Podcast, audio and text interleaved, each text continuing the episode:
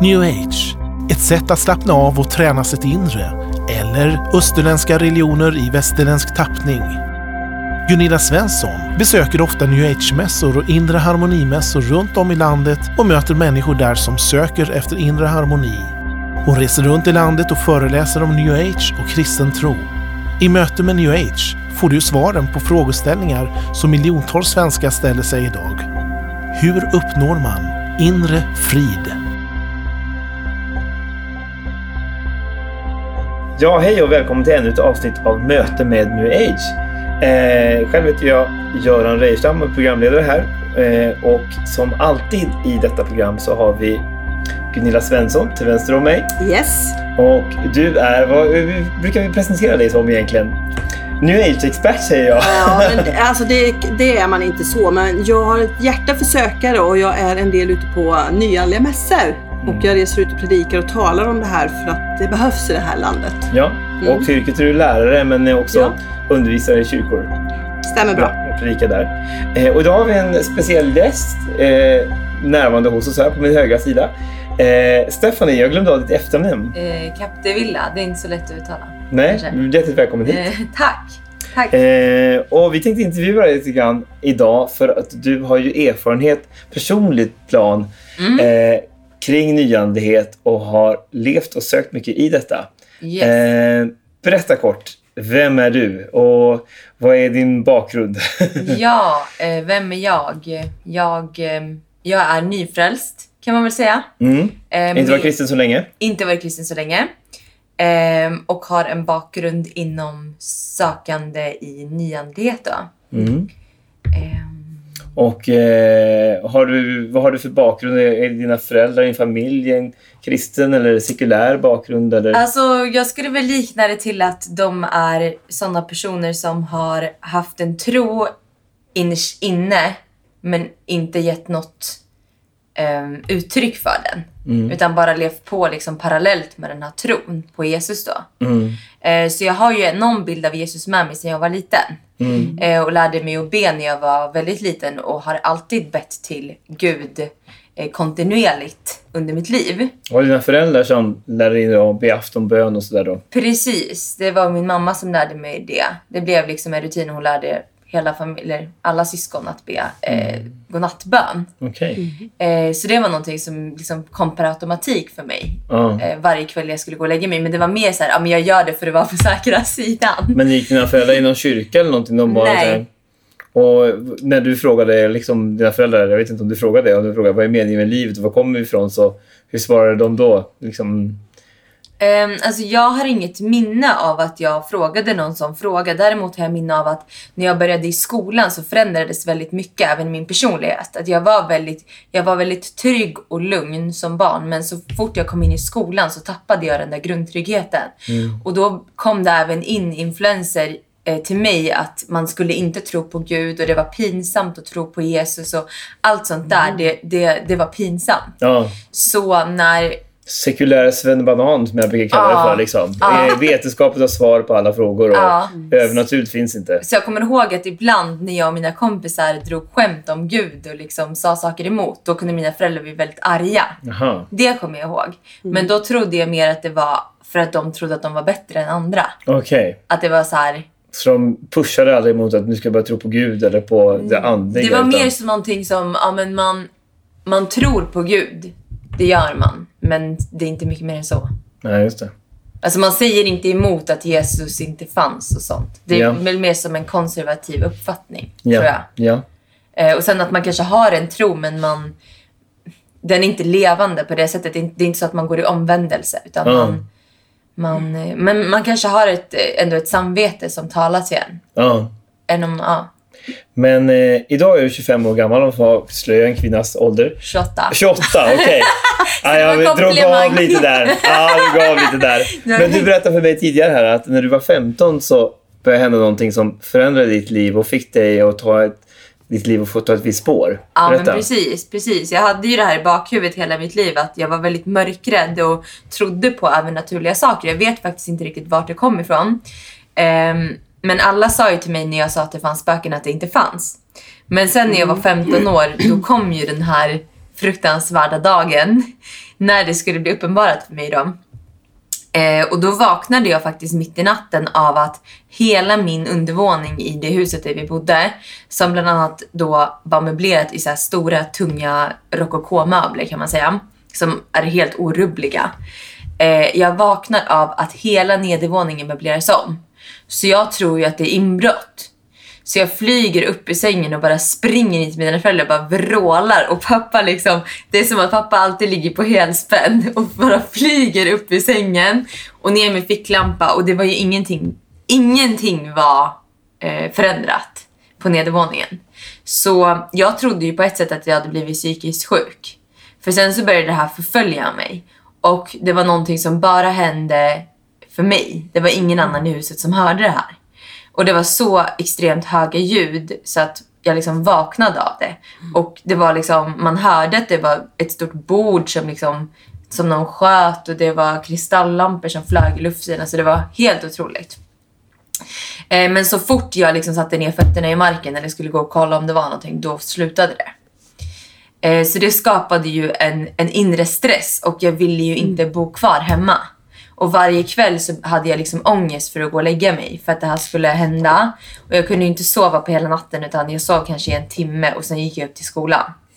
Så ja, det var det första som Wow. hände. Ja. Så här lever ju jättemånga, både vuxna och tonåringar, liksom, skrämda av spöken fast ingen förstår dem. Nej, folk trodde att jag hittade på Ja. och även släktingar som hade den här vetenskapliga inriktningen. Ja. ehm, de skrattade ju bara bort det eller sa att det var någonting som man hittade på. Mm. Men nu måste vi ju fråga Gunilla här. Vad- När vi säger spöken. Vi- Bibeln säger ingenting om spöken. Vi kristna tror ju inte på spöken. Nej. Eh, så vad förklarar du det här med? Jag tror att det är demonisk aktivitet. Demoner alltså som visar sig som eh, styr och stökar och ställer.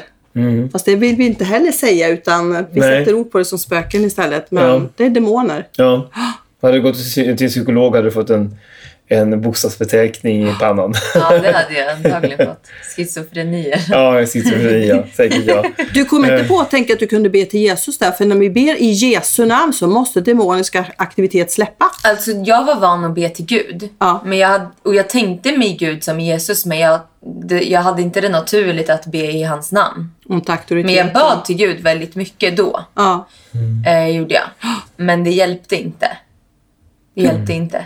Gick du vidare i det här sökandet sen och fick hjälp med det här eller liksom hur? Nej, det, det, det som hände var ju att jag flyttade hemifrån så fort jag hade gått ut gymnasiet och det berodde ju på den här os- alltså att jag mådde så extremt dåligt av den här aktiviteten. Ehm, och det var ju även på, alltså det var ju även på vardagar, alltså när jag var hemma på, under dagtid också. Det var ju liksom, och det, och det kunde, sen i alla fall så flyttade jag hemifrån och flyttade till Spanien. Ehm, men då förföljde ju mig de här aktiviteterna ändå. Så, så fort jag kom in någonstans så kunde jag känna om det var någonting där. Det var liksom som en obehagskänsla som kom över mig och då kunde jag inte fokusera på någonting annat. Och ja, det fortsatte liksom. Vart jag än sov så hörde jag saker flytta på sig. Att det var, jag kunde höra fotsteg, jag kunde verkligen höra en person gå förbi. Alltså så extremt Usch. Ja, våldgästande liksom, mot mig. Så, så där förstod jag att det finns en andevärld. Och jag, jag trodde ju, eh, andra berättade ju att det här var döda människor. Så jag började ju tro att det var folk som hade fastnat och inte hade kommit över till andra sidan. Och så började man tänka så här, men oj, tänk om det skulle hända mig om jag dog, att jag inte skulle komma över. Ja, och sånt ja, ja. Men vad gjorde du då? Liksom, försökte du liksom söka på nätet efter liksom, andra som upplevde samma sak? Liksom, eh, eller Faktiskt så var det så här, här. nyandliga saker på sjuan, kanal 7 i tv. Nej, men det började komma människor in i mitt liv Mm. som hade samma typer av upplevelser Mm. och som kanske var ännu mer andligt utvecklade än vad jag var. Mm. Och, och som kunde börja tala om för mig att jag var andlig. Så att man på något sätt började nästan känna sig lite speciell och att Mm. det var någonting kul med det hela. Att så här, åh, jag kan höra spöken, det kan inte andra göra. Och det är för att jag är liksom medial eller någonting sånt där. Mm. Började ju började snurra upp i mitt huvud att jag hade förmågor som andra människor inte hade. Sådana möter man på inre harmonimässor och eh, som pratar om att de är andliga och de ser och de är både döda och levande och alla möjliga krafter. Ja, så det, det började liksom motivera mig. Samtidigt som jag var rädd så, så hade jag ändå en, en passion för att prata om djupa saker och det har jag alltid haft. Och Så att liksom när jag kom in i samtalsämnen med personer som hade upplevt samma sak, då var det som att vi eldade på varandras egon på något sätt. Att så här, vi har det här gemensamt och resten av världen förstår ingenting. Mm, och det är klart att då blir ju det som är den nyandliga rörelsen då. Om det är många människor som vill samma sak. Då samlas ju det. Om det inte hade uppstått tidigare, det uppstod något som heter new age. Och en rörelse, mässor, aktiviteter, seminarier kring detta. Om så många människor möter det. För det nya är just att man tror på alla möjliga grejer. Ingen har i stort sett samma grej utan alla tror på sitt sätt och var och en blir salig på sin tro, tror man. Ja. Och det är naturligt då i ett sekulärt samhälle då eftersom man, det Ja. finns ingen som vägleder en då. Då fastnar man i, allting eller vad som helst. Jo, jag trodde ju att Gud fanns där någonstans också. Alltså jag hade ju en bild i mitt huvud att, att Gud står över alltihopa. Och sen liksom i hans värld så finns det en massa eh, människor som är döda, det kanske finns änglar, det kanske finns onda häxor, allt möjligt liksom på en och samma plats. Så var min tanke. Men ändå hade jag ju en känsla av Gud som någonting gott. Och sen hade man en lite mystisk känsla om det här andra. Hade du då en, en uppfattning om varför hände det här just dig och ditt hushåll? Liksom började du liksom koppla det till eh, avlidna släktingar eller till liksom något, någon annan i släkten? Eller vad, vad, skapade du någon teori, förklaringsmodell kring dig själv och varför blev just du hemsökt? Nej, jag tänkte mer att det var jag som hade en speciell förmåga som kunde höra det här vart jag än var. Och så tänkte jag att de här, de här spökena finns överallt. Bara att andra människor har inte fått den här gåvan. Exakt så började jag tänka i mitt huvud. Att ja, men jag får leva med det här. Det är, någonting, det är någonting jag har fått som ett straff typ. Eller en, kanske någonting som är en gåva men också någonting jobbigt. Eh, som att ja, det är något jag får acceptera. Så tänkte jag. Eh, men, och och det, det drev mig också till att forska vidare om vad den här gåvan innebar. Eh, och liksom vad det fanns mer. Ja, för du ringde sen medium och fick kontakt med Ja. spådamer och som kunde hjälpa dig. Och... Den här tjejen som jag lärde, lärde känna när jag flyttade till Spanien, hon höll ju på med en massa häxkonster. Och hon la kort och hon hade en massa andra kunskaper än vad jag hade. Så hon ledde ju in mig på det här och tog med mig till medium och hon la även kort in i mitt liv. Hon talade in i mitt liv och sa så här, jag har en känsla av att det här och det här kommer hända. Så jag började sätta mitt hopp och min tro till det andra människor sa. Och det skapade en vilja hos mig att så fort jag hade ett problem så ville jag fråga ett medium. Jag ville inte liksom vänta och se vad som skulle hända utan jag ville ha kontroll och veta innan. För nu hade det såtts ett frö hos mig att Jag ska bli fången in i detta liksom. ja, Eftersom de har makten över dig, då, då Ja. måste du balansera ditt liv hela tiden på slak lina. och ett medium är ju då alltså en person som har kontakt med andar. Och Ja. tar, tar betalt för det hela. ja.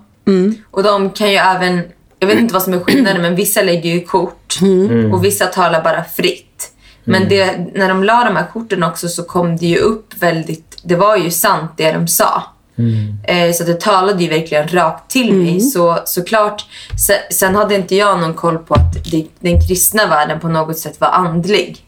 Hade absolut ingen koll på det. Utan jag fick bara en andlig verklighet uppenbarad för mig. Och då fanns ingen tanke på att det kunde finnas flera olika andevärldar. Nej. Men jag måste fråga, du säger du sov jättedåligt på natten. Eh, liksom, du var i en panikkänsla i ditt liv och sen Ja. så började du då även under gymnasietiden besöka medium eller hände det medier eller hände det efter du slutade gymnasiet? Och Det hände efter. Ja. Du måste ju mått fruktansvärt psykiskt dåligt tänker jag. Eh, ja, jag var väldigt rädd var jag. Väldigt orolig. Mm. Ehm, Klarade du skolgången och allt sånt där? absolut. Mm. Jag tror man går in i en bubbla i det här och tänker att så här lever människor och det här är normalt. För du omgav dig med sådana människor också. Ja, Som jag hade samma upplevelser. Jag liksom... Jag hittade väl strategier för att komma igenom det. Ja. När man till exempel inte vara hemma själv. Och jag, jag brukade liksom fråga om jag fick sova i min systers rum eller mina föräldrars rum och liksom ha olika strategier eller kanske bjuda över en kompis och sova för att om en kompis var där så är det inte lika sannolikt att det hände. Eh, men liksom att man började, man började organisera sig ut efter den, den här demoniska aktiviteten istället för att man själv Alltså istället för att vara fri. Jag var inte fri i det här. Nej. Jag blev ju en slav under. Du gick aldrig till någon psykolog utan... eh, Jag hade aldrig sådana tank- tankar i den åldern. nej. Utan jag var fortfarande ändå eh, mentalt stabil. Men det skulle ju komma att ändras väldigt mycket. Det här var ju liksom bara startskottet på alltihopa kan man säga. Ja. ja. Och sen då, så då eh, gick du ut gymnasiet och flyttade hemifrån. Ja. Eh, och då säger du att sen med tiden så började det här eskalera, liksom som inflyttade över ditt liv liksom, kring det nyandliga. Berätta, vad hände? Mm, ja, men det var ju att till en början så kom jag in i att, att bli beroende av att fråga medium om råd, vad det än gällde. Ehm, och det blev bara mer och mer och mer och mer. Betalar du då samtidigt? För Ja, det är jag dyrt. betalade. Det är ju dyrt. Eh, jag betalade säkert tusen kronor varje gång. Ehm, och jag skulle säga att mitt sökande började mm, att eskalera för fem år sedan. Och då kunde det vara så att jag levde liksom ett normalt liv med att studera och hänga med vänner och vara ute och festa på helgerna. Och sen hade jag som avbrott där jag liksom helt gick in i mig själv och var instängd hemma själv och bara sökte och sökte och sökte. Och det var ju främst på nätet. Att man liksom googlade på olika, liksom, vad är spöken, vad är medium, eller olika läror kan man väl säga. Eh, att förstå andevärlden. Ehm, och ju mera kunskap man får, desto mer frågor får man. Och till slut så, så tycker man sig veta hur hela verkligheten är uppbyggd. Um, Jag vet inte riktigt hur jag ska dela upp det, men um, när, det, när det där hade gått ett tag, att jag liksom hade satt, satt mig in i hur andevärlden var uppbyggd, då började jag även själv kunna känna in saker om människor. Uh, och om jag träffade folk och började prata så kunde jag liksom bara känna saker om de här personerna och kanske ge dem ett, ett tilltal som talade rakt in i deras liv. Jag vet inte var jag fick det ifrån. Eh, Så jag trodde att det hängde ihop med min andliga gåva. Liksom att jag, var, jag var andligt uppkopplad. Men det var inte så att jag gick i någon skola eller att det var någon som hade väglett mig. Utan det här var någonting som det bara kom mer och mer. Att jag blev mer och mer uppkopplad, fick, kände jag. Ehm, Fick du bevis för att det stämde också, liksom, att det verkligen var det? Ja men precis, att folk kunde säga så här, wow, men hur kunde du veta det där? Eller ja, att det var väldigt så träffsäkert. Och sen även att när jag pratade med medium och så, så, när de berättade saker för mig så kunde jag även se i mitt eget liv att det slog in. Ehm, så att, mm, vad ska man säga, min dag gick ju ut på att leta efter tecken. Min dag gick ut på att ehm, ehm, att parallellt med det sociala livet inom mig vara andligt inställd till allting. Mediterar du det då för att hitta dig själv i detta och satt i meditationsställningar och satt liksom djupt och lyssnade inåt i dig själv, eller hur? Mm, alltså så fort man blev orolig eller mådde, var stressad, då var första tanken att sätta på en meditationsvideo på Youtube. Eh, och mitt, mitt i det här också så skapades ju en trend kring love attraction, om ni vet vad det är. Eh, attraktionslagen. Det slog ju igenom väldigt mycket med de här böckerna som heter Hemligheten. Eh, The, Secret. Och så den, eh, där var ytterligare ett steg. Att där kom jag in på det här att man kan faktiskt styra sina tankar och bygga sitt eget liv. Förklara för kort, den som inte känner till Ja. Love Attraction, The Secret. Vad, vad, vad var det här för böcker? Det är en bok som går ut på att eh, like attracts like. Alltså, det du tänker på, det får du. Och det går ut på att du ska leva i tacksamhet och positivt tänkande. Och saken är att själva grundbudskapet i boken är ju taget från Bibeln och det erkänner de även i boken. Och det är den här, ty den som har han ska få och det är i överflöd. Men den som inte har, från honom ska också tas. Eh, och jag tror att de syftar...